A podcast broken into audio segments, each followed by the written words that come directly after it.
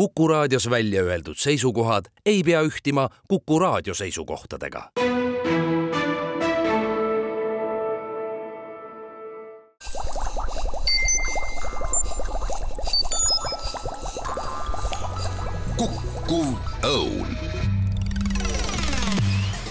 Head Kuku kuulajad, Kuku Õun eetris, täna olen külla kutsunud äh, Tartust füüsiku Raivo Jaanisoo, kes on Tartu Ülikooli materjali ja rakendusfüüsika kaasprofessor. Ja meie jutuks tuleb Nobeli keemiapreemia, sedapuhku mitte füüsikapreemia, mis äh, mäletamist mööda anti kolmele inimesele, Aleksei Jekimovile, Louis Bruule ja Mungi Pavendile ja seda just nimelt Äh, kvantpunktide, nanoosakeste või nimetatagu kuidas vaid, mitte ainult leiutamise, vaid ka nende rakenduste väljamõtlemise eest. mina olen saatejuht Marek Strandberg ja küsingi, no minu jaoks ka sel ajal füüsikat õppinuna või keemiat õppinuna Jekimovi nimi toona omal ajal, kui ta oma need esimesed vapustavad kristallid tegi klaasi sisse, see minule ette ei jäänud. kas sinu jaoks oli Jekimovi nimi nii-öelda ammust aega tuttav või hiliselt tuttavaks saanud? tere ja aitäh kutsumast kõigepealt ja sinu küsimusele vastuseks, et ega ei olnud küll tegelikult sai ka mulle see alles nüüd äh, tuttavaks, tähendab, me küll kasutasime oma töös selliseid värvilisi klaase, mida ta uuris, aga, aga tema töö ja nagu ma aru saan, see ei olnud äh, tuttav ka äh, siis järgmistele Nobeli laureaatidele siis, siis tol ajal vähemalt. ja selles mõttes on Nobeli preemiakomitee alati selline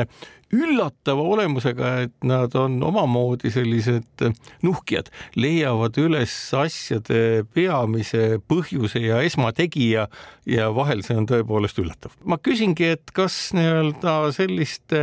värviliste klaaside, noh, mida ma saan aru ju selliseid nii-öelda kullaseguga klaase, kus kullakolloidosakesed on siis lahustatud klaasist, neid on vist tehtud keskajast saati ja väga erineva värviga. ja tõepoolest, et klaasi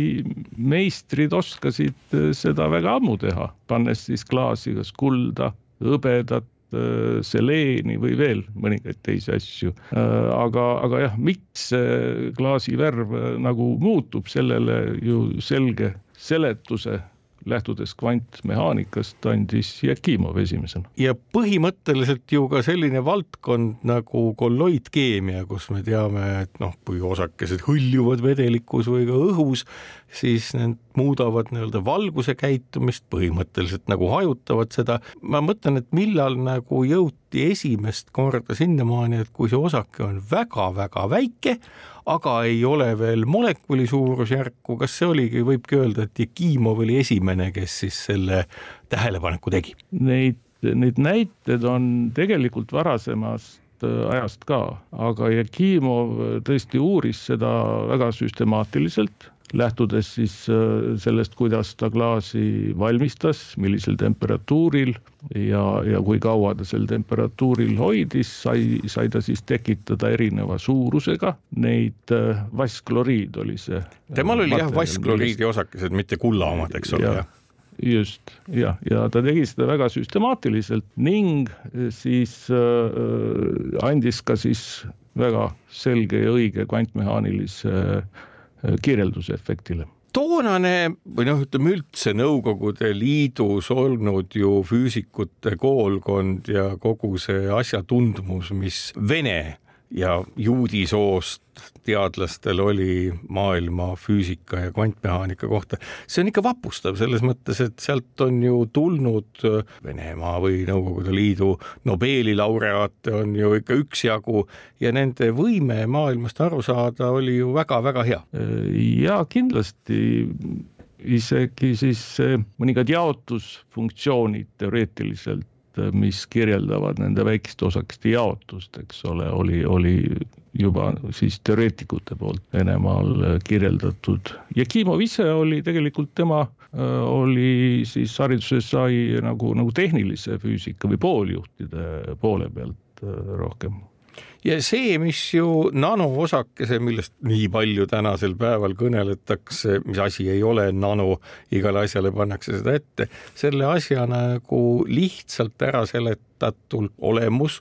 et mitte minna väga sügavale kvantmehaanikasse, on ju see, et kui ainetüki pinna peal ja selle sees on enam-vähem võrreldav kogus aatomeid või ioone või nimetame kuidas vaid, et siis ühtäkki sellise tükikese omadused, nii keemilised kui optilised, muutuvad totaalselt. jah, umbes nii, neid aatomeid on seal äh, nendes kvanttäppides noh, sadu, võib-olla natuke rohkem ja see noh, siiski, kuna nimetus on kvanttäpp, siis me sellest äh, kvant, äh, kvantfüüsikast siiski ei pääse. ei pääse selles mõttes, et nii ongi jah, täpselt nii ongi jah, et et tegelikult siis need äh, elektronergastused, mis seal täpi sees on, et nad, nad ei mahu sinna hästi ära, nad on, nad on äh, nagu kängitsetud äh, ja, ja, ja see, seetõttu hakkavad need omadused muutuma. See on üsna omapärane fenomeen, sellepärast et noh, sellisest tavapärasest füüsika teadmisest või optika teadmisest me ju teame ühte, et nähtavad on objektid mis on valguse laine pikkusest oluliselt suuremad. sedapuhku tekib huvitav omadus, et äh, nähtavaks muutuvad objektid, ma ei tea nüüd, kas ükshaaval või kollektiivselt, mis on valguse laine pikkusest ju märkimisväärselt väiksemad. kuidas see juhtub? noh, ega tegelikult ju valgust kiirguvad, kiirgavad osakesed on ju tihtipeale lainepikkusest väiksemad. et, et ka ka molekulid, värvimolekulid, eks ole, on ju ka väikesed. Nende kvanttäppide puhul on see, mis on see uudne omadus, on just see, et kui hakata sedasama ainetükki, meil on alguses suurem ainetükk ja me hakkame seda järjest väiksemaks tegema ja mingil hetkel nende värv muutub, see on see, see on see kvant see, see toimub kvantefekti tõttu. ja see kvantefekt Aga... ei ole ju ainult mitte, eks ole, värvus või valgus, vaid tegelikkuses ka sellise kvanttäpi keemilised omadused ja keemiline reaktsioonivõime ja võime katalüüsida erinevaid protsesse on ju ka täiesti märkimisväärne. ja loomulikult, sest need kõik need äh, asjad, mis sa nimetasid, sõltuvad ju elektronide omadustest ja, ja, ja kui nad on sinna seal kängitsetud, eks ole, siis, siis nad jah, tõepoolest pole midagi imestada, et nad käituvad teistmoodi. valguse. sa, sa, sa ütled kängitsetud, et ma enam-vähem kujutan ette, mida see tähendab, kuidas teha kuulajale selgeks, mida tähendab kängitsetud olek selle kvanttäpi puhul? et siis me ikkagi kvantfüüsikast ei pääse. ei, me ei pääse, me ei pääse, aga noh, ega ütleme niimoodi, et täna tänane maailm ongi ju selline, et ja. ega kvantnähtustest me ei pääsegi. siin hiljaaegu kümnendal oktoobril avas Soome president näiteks kvantarvuti teise juba järjekorras Soomes ja ega kvanttemaatika on tulemas nagu igapäevaselt lauale, kas lugemislauale või söögilauale või töölauale, kuhu iganes. nii et kängitsetus. kvantmehaanika üks põhialus on see, et iga osakest võib kirjeldada ka lainena ja sellel lainel on ruumis teatud ulatus ja kängitsetus tähendabki seda siis, et selle meie aineosakese mõõde, suurus, jah, hakkab lähenema selle, selle, selle elektroni või elektronergastuse laine suurusele, muutub sellest juba väiksemaks. ja see, tingib... laine ei mahu sinna ära. ja see tingibki ja. asjaolu, et kui see osake püüab kinni mingisuguse energiamortsu kvandina, näiteks valgusegi, et siis juhul, kui see on kängitsetud ehk et ta ei mahuta seda pikka või punasemat lainet ära, siis hakkab see pisike osake tekitama aina sinisemat ja sinisemat valgust piltlikult öeldes, mis tähendabki seda, et osakese suurusega on võimalik muuta seda, kuidas asi valgustatult välja paistab. täpselt nii. see on iseenesest päris omapärane asi, aga noh, ütleme niimoodi, et kujutame ette, et Jakimov, eks ole, tegi seda omamoodi, mingil määral sellise algkeemiku osavusega, aga nüüd nagu järgmine, kes siis demonstreeris seda, et eh, samasugusel moel vedelikus erineva suurusega sama aine osakesed on siis erinevat värvi, oli Louis Brou mis ainetükke või molekule tema kasutas? see oli nüüd, kui ma õigesti mäletan, kas see oli kaadmiumsulfiid grafiit vist oli jah, selline pooljuhtiv materjal. Ja tegelikult need uuringud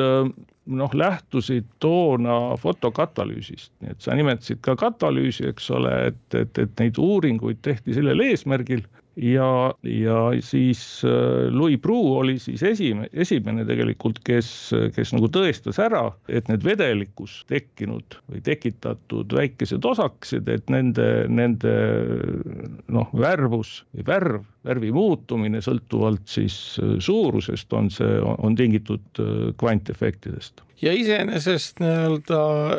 kas ma just mõtlen seda, et pruunimi minu mingisuguses nii-öelda mäletuses, mälestumises on nagu ikka läbi jooksnud, kas sinu jaoks Louis Pruu oli ikkagi olemas ennem, ennem selle, selle aasta Nobeli füüsikapreemia jagamist kui, kui kõnealuse valdkonna teadlase oma? ja, sest sest ta on ka kirjutanud ülevaate näiteks siin sellest, sellest valdkonnast ja, ja seda küll. ja nüüd siis kolmas nobelist, kelleks oli Mungi Pavendi, kes siis äh, tegelikkuses mõtles välja äh, protsessi, kus mitte ei pea, eks ole, ühte otsapidi, noh, mis on alati väga kulukas, kui me kujutame ette, kui väike on nanoosake ja kui me kujutame ette, et me hakkaksime mingist suurest kristallitükist seda välja jahvatama, siis on tohutu aja ja energia energiakulu, tema mõtles välja viisi, kuidas kasvatada äh, õige läbimõõdu ja suurusega kristalle just nimelt äh, keemilises protsessis lahustis. jah, tõepoolest, tähendab need, äh, see protsess siis, mis tema välja töötas, et noh, praegu noh, tundub, et kui seda retsepti täpselt teada, siis ei ole keeruline seda ka igalühel kaunis lihtsate vahenditega korrata, aga noh, see väljatöötamine võttis päris kaua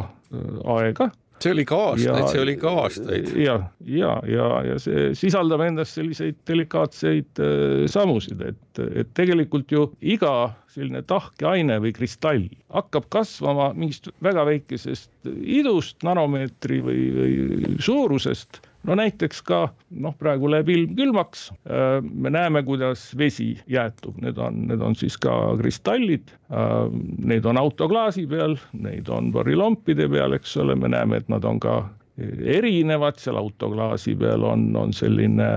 selline väga-väga väikestest tükkidest koosneb, forilompide peal on sellised suured läbipaistvad kristallid, eks ole. ilmselt midagi on erinevat nende tekkel ja ütleme, et see, see meetod või need trikid, mida siis Pavendi kasutas, oli see, et selles meetodis esiteks tekitatakse äh, siis korraga palju neid kristallidusid, kui me lihtsalt niisama noh, noh näiteks jahutame vee alla, eks ta hakkab siis tasapisi jäätuma, aga neid idusid tekib seal nagu, nagu pidevalt juurde. Igaüks kasvab oma soodu ja lõpuks on meil nad, saame siis väga erineva suurusega kristalle. et Pavendi selline panus oli just selles, et ta, ta pakkus välja meetodi väga kõrge kvaliteediga ja, ja, ja ühesuuruste äh, kvanttäppide sünteesiks, nii et äh, selles meetodis siis alguses tekitati korraga väga palju idusid ja siis hoolitseti selle eest, et nad siis rahulikult äh, kõik kasv, kasvaksid, kuni siis saavutati teatud suurus, siis see protsess peatati siinkohal teeme saatesse väikese pausi ja kuulake meid pärast vaheaega edasi. kukkuv õun head kuulajad, Kuku Õun jätkub külas Tartu Ülikooli materjaliteaduse ja rakendusfüüsika kaasprofessor Raivo Jaanisoo, mina saatejuht Marek Strandberg ja jutt on meil Nobeli selle aasta keemiapreemiatest, mis antud kolmele inimesele, ei millegi muu kui selliste müstiliste asjade nagu kvantpunktide eest. nüüd ähm, nende kvantpunktide äh, selline hea nimi, eks ole punkt, aga, aga nende tähendus on osutunud oluliselt laiemaks kui pelk selline teaduslik huvi ja tänu neile kvantpunktidele on meil ju meie ümbruses sootuks paremad valgusallikad, sootuks paremad displeid, kuidas need toimivad? no need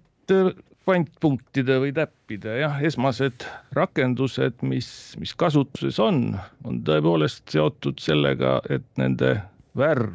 sõltub nende valgusest ja et neid osatakse ka nüüd väga selliselt äh, kvaliteetselt valmistada. Ja noh, kõige värv on optilistes seadmetes, kõige levinumad optilised sead-, seaded, seadmed tõepoolest on, on valgusallikad ja, ja ekraanid ja need on siis valgusdioodid, mida nii-öelda tavapärasel moel ei õnnestu kõigis nendes kirevates värvides, mida me oleme harjunud neid nägema, üleüldse helendama panna, et nende puhul on siis, ma saan aru ka, et see algne valgusvoog, mida siis see pooljuht tekitab, on seal kusagil sinises või ultravioleti piirkonnas ja siis nii-öelda kvantpunkte täis poogitud kattematerjal tekitabki selle valguse, mida siis on timmitud täpselt selliseks, nagu meil vaja on. nii jah, see sinine spektri komponent, noh, valge valguse võib lahutada niimoodi siniseks, roheliseks, punaseks. et siis sinine tuleb jah, see valgusdioodist äh,, val-, see valgusdioodi, nende valgusdioodide siniste, nende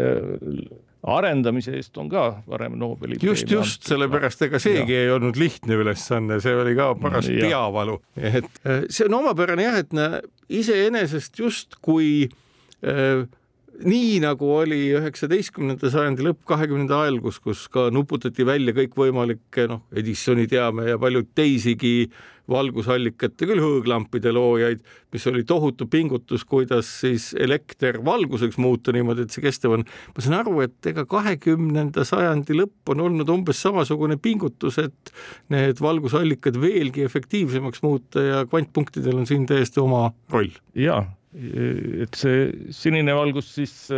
valgusdioodi valgus annab sinise, sinise valguse, kuid ta ergutab siis ka neid kvantpunkte,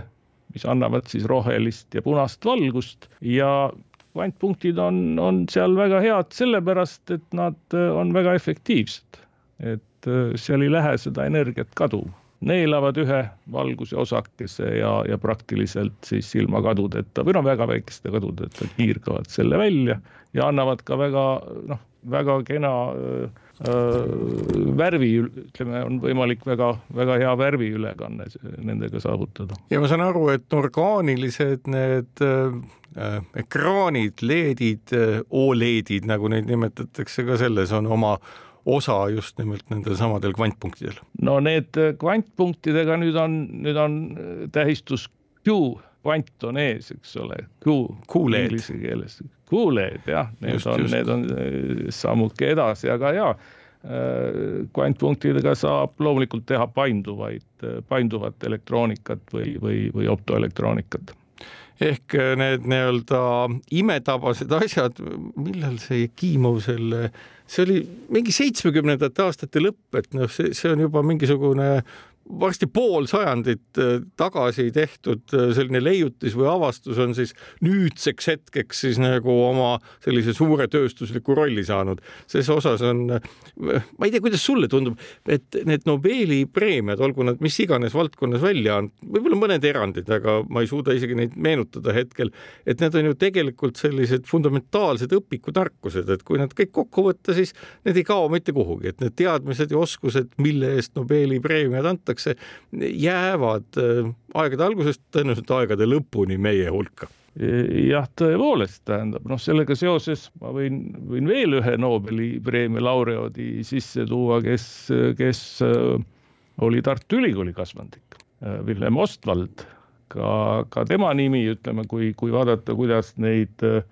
kvantpunkte siis sünteesitakse lahustes, siis käib ka tema nimi või tema nimeline protsess sealt läbi ja, ja see on nimelt milline? see on äh, Ostwald ripening on see inglise keeles, noh, puuviljade korral siis küpsemine, Ostwaldi valmimine, küpsemine, see on selline protsess, kus äh, kolloidide korral. just, kolloidkeemiaga ta tegeles. jah, oli see tollal ja, ja protsess on siis selline, et nende kolloidosakeste äh, teatud etapil areng on selline, et väiksemad jäävad noh, väiksemaks kaovad ära ja, ja suuremad kasvavad suuremaks, noh, põhimõtteliselt sinnamaani välja, et jääb üks, üks osake alles. Nii et iseenesest see, no jällegi, et ega kui me võtame siis ju kogu kogu üld, noh jällegi, ega ju needsamad keskaegsed klaasimeistridki ja kõikvõimalikud imetabased tegijad, nad on nagu intuitiivselt ju asjadega toime tulles seda kõike kasutanud, lihtsalt äh, meie inimkultuuri olemus on selline, et me peame selle tähenduse sõnastama ja selle sõnastamise ja täpse olemuse ja tehnoloogia kirjeldamise eest ka selliseid preemiaid antakse. nüüd eh, huvitav asjaolu on ju see, et neid nanomaterjale on ju hästi palju, sinu üks huviorbiit, mida lugeda on olnud, on olnud muuhulgas näiteks ka grafeeni ehk siis ühe aatomi paksuse mm, süsiniku kile nii-öelda omadused ja nende kasutamine. huvitaval moel ju äh, need kvantpunktid olid olemas ammu ennem äh, kui, kui grafeen avastati, leiutati või õpiti seda tegema ja ka grafeeni eest on saadud Nobeli füüsikapreemia või keemiapreemia oluliselt ennem kui nende kvantpunktide eest, et kuidas selline inversioon siis on tekkinud ajaloos, et see, see on tõepoolest kurioosne lugu, et kui vaadata laiemalt neid nanomaterjale, siis, siis võib neid niimoodi süsteemselt, eks ole, jagada nendeks punktideks noh, punkt on nagu nullmõõtmeline asi, siis, siis on nanotorud või nanotraadid, mis on ühemõõtmelised ja, ja siis äh, lõpuks kahemõõtmelised, mille tuntuv esindaja on grafeen. ja tõepoolest, kui vaadata, siis äh, nende Jekimov, eks ole, nagu sa ütlesid, tegeles seal seitsmekümnendate lõpus, kaheksakümnendate alguses äh, kvantpunktidega ja, ja tegelikult siis klaasimeistrid on juba, juba varem seda teinud, kuigi arusaamata, kuigi seda nimetati tollal selliseks optiliseks anomaaliaks lihtsalt, et seal mingi värvus seal muutus. Ja nano siis ühemõõtmelised asjad öö, olid öö, Ichima vist oli see, kes esimesena tegi jah, üheseinalised süsiniku nanotorud ja toona tekkis siis selliste nanotorude ja nanotraatide buum, see on siis äh,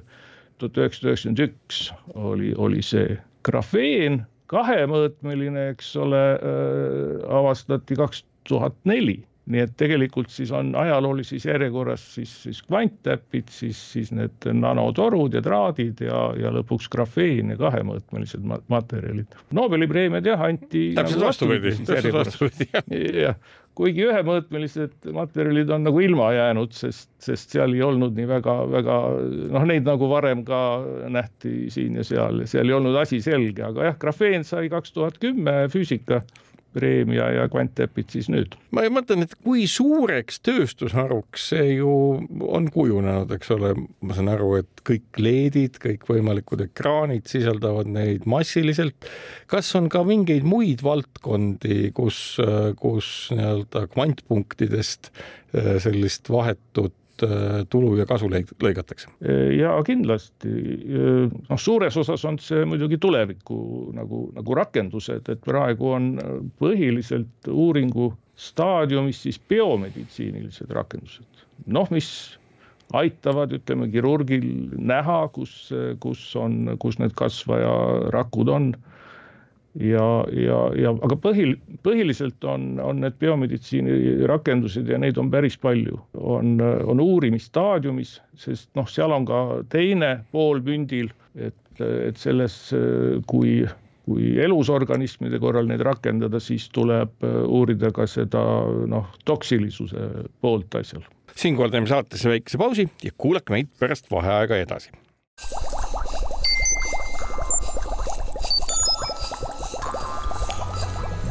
kukkuv õun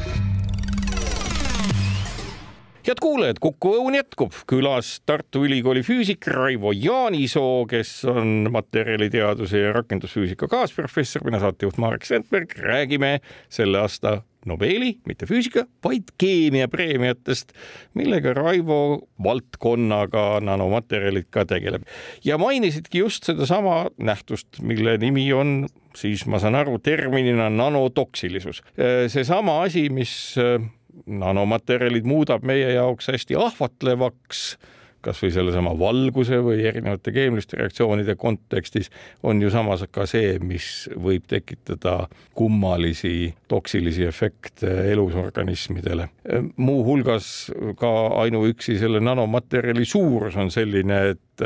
kui see nanomaterjal on püsiv ja väga väike, siis on väga palju ju organisme, kes selle lihtsalt endasse hammustavad ja piltlikult öeldes ära lämbuvad, kui nad vees on ja on ka selline nanotoksilisus. no üks tuntumaid vist nanotoksilisi ühendeid on muidu keemiliselt täiesti ohutu kristall nimega asbest, mis lihtsalt on nanomaterjalina nii peenikene, et ta lõikab meie rakke katki kui palju üldse tänasel hetkel, kui buum nendest äh, nanomaterjalidest kosub ja kosub, suudetakse ette ennustavalt öelda, milline nanomaterjalidest võib olla siis ainena, nanoosakestena keskkonnale ja inimesele ohtlik ja milline mitte? jah, see pole päris minu valdkond, ma pean tunnistama, et et ma nagu jah, pigem jään vastuse, vastuse võlgu, aga noh, see on ilmselt ikkagi selleks peab sellest rakumembraanist see osake läbi minema, eks ole. ta peab nii väike olema ja, ja, ja seejuures noh, mis, mis ma enda vaatepunktist võin öelda, et siin ei ole oluline siis ainult see kvant, kvant, kängi, kängitsetus, eks ole mitte ainult see efekt, vaid väga palju ka see, mis selle kvant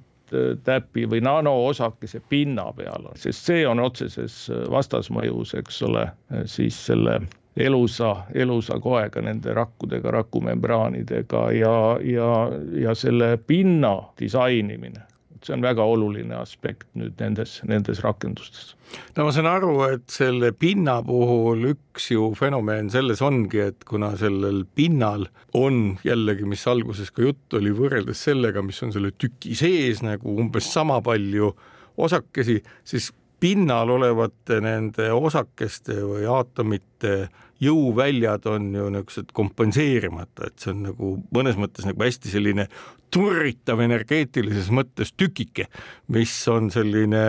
no ma ei oska öelda, kuri nagu siil või okkaline või hästi selline äh,, tahab väga reageerida millega vaid. kui täpselt me täna oskame näiteks erinevate teoreetiliste äh, mudelitega ennustada neid omadusi, suurte molekulide, kuhu ikkagi kuulub sadu ja sadu nii-öelda aatomeid, nende arvutamine on vist tänase päevani päris paras peamurdmine. õigemini arvuti murdmine on õige öelda. tänapäevased arvutid saavad juba üldiselt sellega hakkama, et minu, minu oma nüüd siin projektides meil on ka siis äh, võimekus äh, teha neid kvantmehaanilisi arvutusi, ütleme seal noh, kuni sada aatomit koosnevas süsteemis. me küll arvutame natuke teisi, äh, noh, põhimõtteliselt ka sellist pinnareaktsiooni, meil on selline grafeenitükk, mille peal ja küljes on veel midagi ja me vaatame, kuidas sinna siis seonduvad või ei seondu ja kui tugevalt erinevad gaasid. see on täiesti tehtav ka siin mõistliku ajaga Tartu Ülikooli siis äh, arvutuskeskuse vahenditega ja, ja noh, hiljuti oli ka uudis selle kohta, et äh, Soomes nüüd hakkas tööle üks Euroopa võimsam äh, superarvuti ja Tartu Ülikool on seal konsortsiumi liige, nii et need võimalused on täiesti olemas. ehk seesama Lumi nimeline masin on nüüd ka sinu kasutada ja, ja su kolleegidel? põhimõtteliselt küll, jah nüüd, kui tulla grafeeni juurde, mis on siis nagu punktiga võrreldes, eks ole, kahemõõtmeline nanomaterjal, kui palju nii-öelda grafeen siis erineb sellisest kvantpunktist või kui palju on neil kahel materjalitüübil sarnasusi? grafeenist tehakse ka kvantpunkte. isegi nii? et kui see jah, kui see grafeeni leheke või helbekene on piisavalt väike siis saab teda kasutada täpselt samades rakendustes. Ja ütleme, biomeditsiini või bioloogia rakendustes võib see isegi olla parem materjal, sest noh, ta, tema toksilisus võib olla väiksem, kui me räägime seal Bruce'i ja, ja Avendi, eks ole, avastatud või leiutatud materjalidest, mis sisaldavad kaadmiumit. see on siis isegi keemiliselt nii-öelda toksiline juba elusorganismide jaoks, muidugi, muidugi jah, nii et sellised puhtalt süsinikust koosnevad kvantpunktid on selles mõttes teatud rakendusteks ilmselt paremad. Mõtlen nüüd selle peale, et üks asi, mis selliste ühe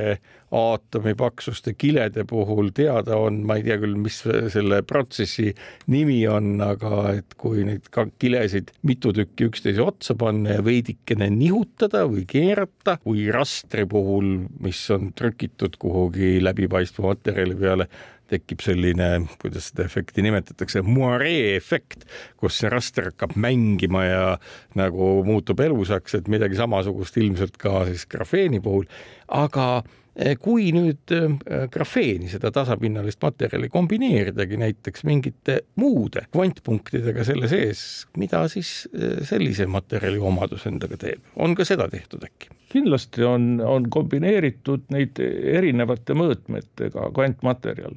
nii, nii grafeeni kvantpunktidega kui ka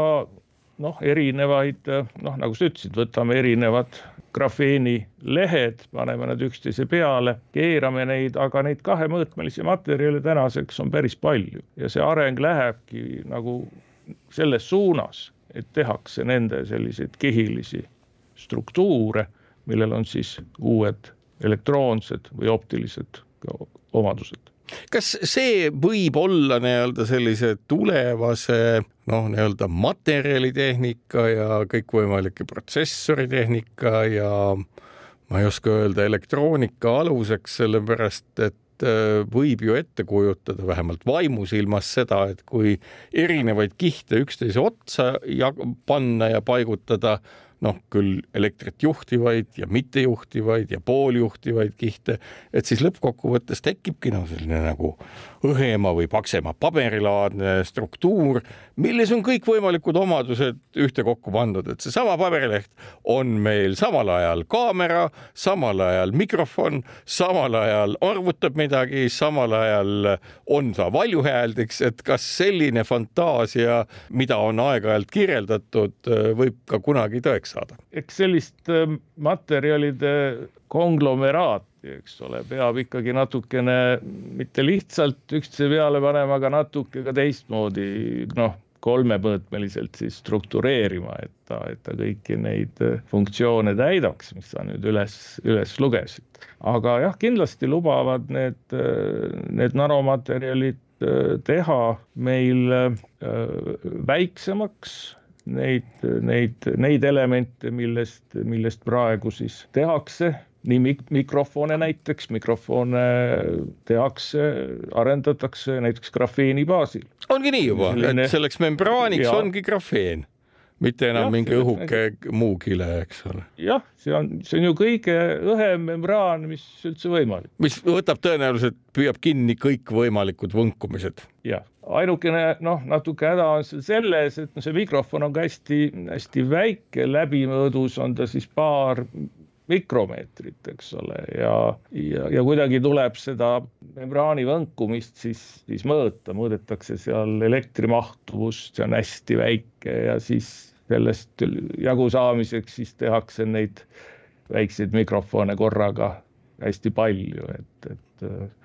aga jah, seda on on demonstreeritud, et äh, rekorderilisi tundlikkusi ühesõnaga. siinkohal teeme saatesse väikese pausi, kuulake meid pärast vaheaega edasi. Kukkuv õun head kuulajad, Kuku Õun jätkub külas Raivo Jaanisoo, Tartu Ülikooli materjaliteaduse ja rakendusfüüsika kaasprofessor, mina saatejuht Marek Strandberg. jutt sai meil alguse Nobeli selle aasta keemiapreemiast, mida me Raivoga siin veidi ka lahkasime ja ta selgitusi jagas. nüüd üks termin, mida tahaks küsida üle, eh, kuna kvantpunktidest juba juttu on, siis aina rohkem ja rohkem koostub meie avalikkuse jaoks ja maailmas selline termin nagu kvantüleolek. ühel või teisel moel on see seotud küll jah, põhiliselt asjaoluga, et äh, siinsamas Soomeski, kus superarvuti lumi käima pandi, oli ka jutuks et seal juba käivitatud teine Soome kvantarvuti, mis kvantbittidega ühe korraga arvutades kõikvõimalikke tehteid teeb, millised tavalisele arvutile jõukohased üldse pole ja mõtlengi seda, et kui palju siis sellised kvantpunktid või ka grafeeni tüüpi nanokiled ja muud nanomaterjalid, millel kvantomadusi selle kvantüleoleku saavutamisel olulist rolli mängivad? Äh, kui kvantpunktidest rääkida, siis äh, noh, esimesed rakendused on ju olnud seotud äh, valgusega ja ka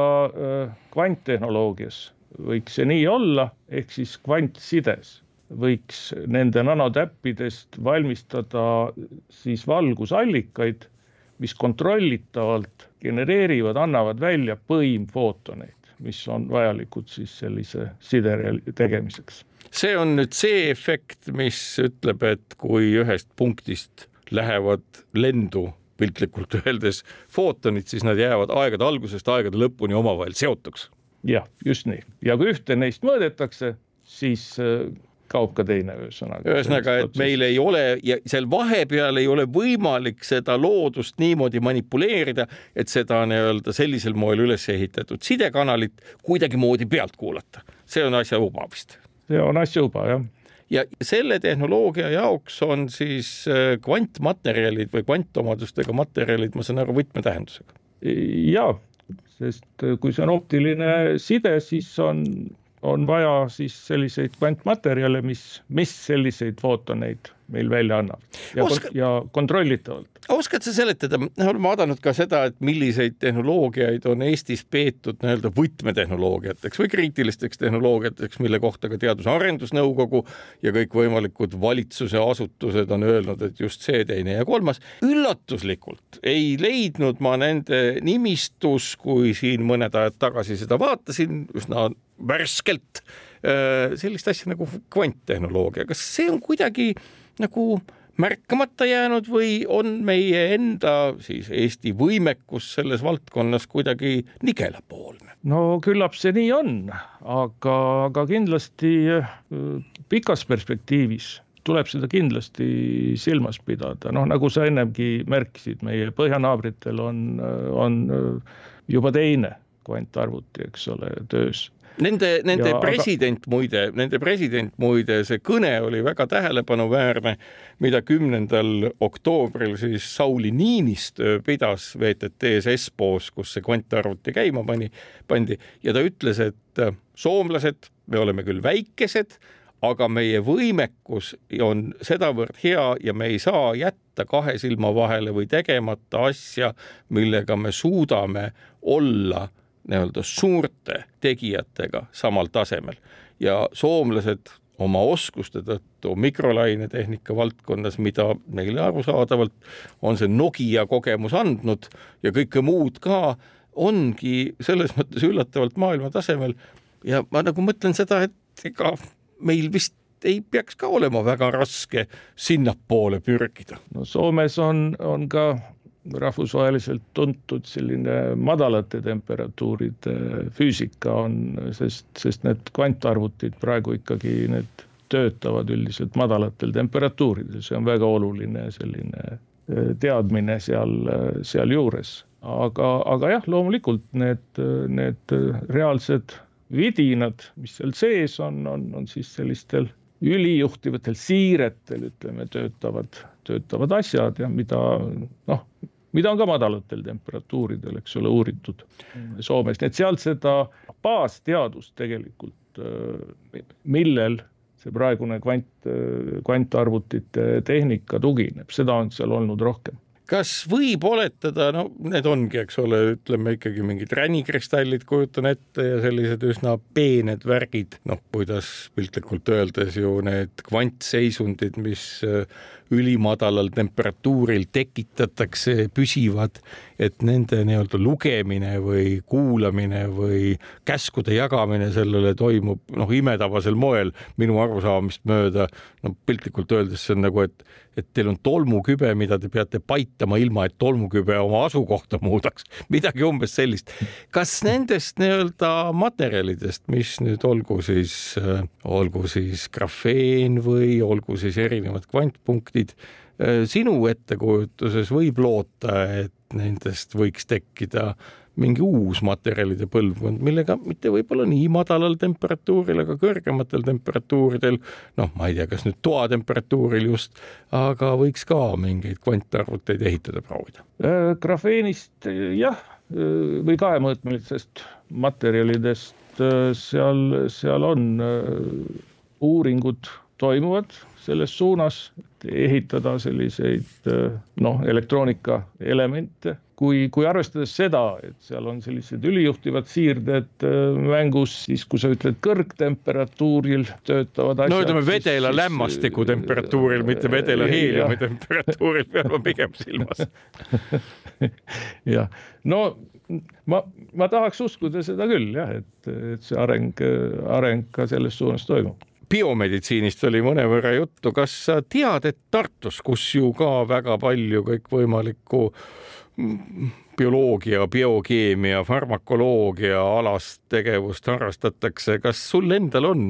oma töögrupiga seotult äh, mingeid koostöid ses osas, kuidas näiteks nanomaterjale kasutada, noh, ma ei teagi, kasvõi kõige lihtsamas mõttes ravimite kohale toimetamiseks või nende omaduste võimendamiseks ühel või teisel moel. selliseid töid on käimas või need on siiamaani tegemata? meil ei ole otseselt sellist biomeditsiinialast koostööd, kui Eesti Teadusinformatsiooni äh, seda süsteemi vaadata, siis leiab seal neid publikatsioone küll sellest valdkonnast. Äh, mis meil on teoksil praegu on, on üks selline bioloogia, pigem bioloogiaalaline projekt, üks doktorant noh, on tema enda välja pakutud teema, tahab uurida taimede ja seente nagu, nagu koostööd nende kvantpunktide abil, selline et loo-,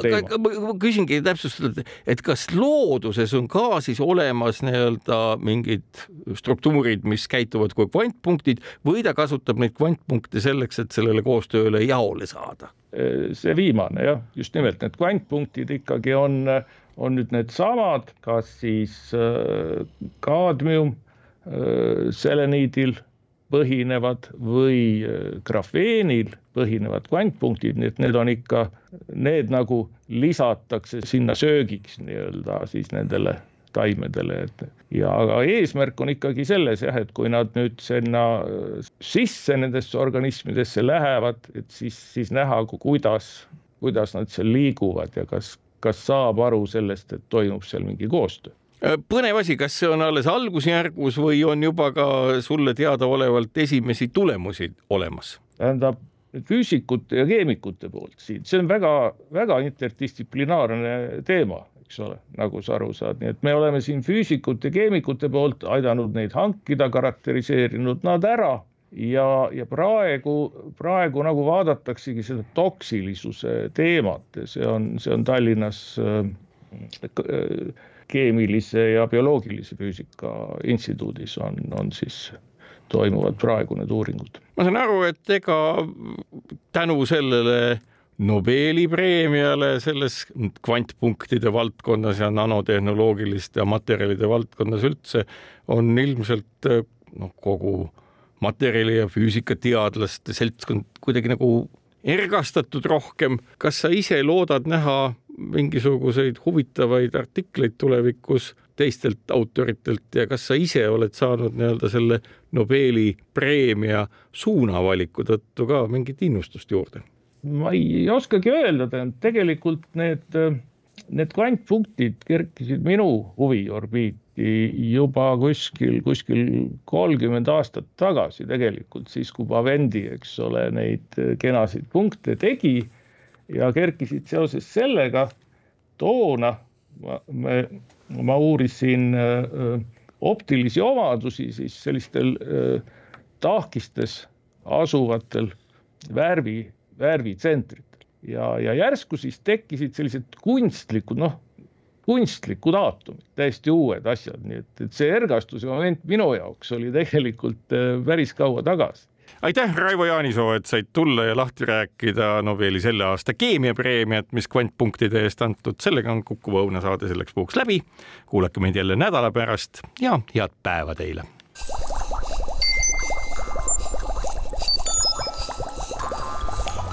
kukkuv õun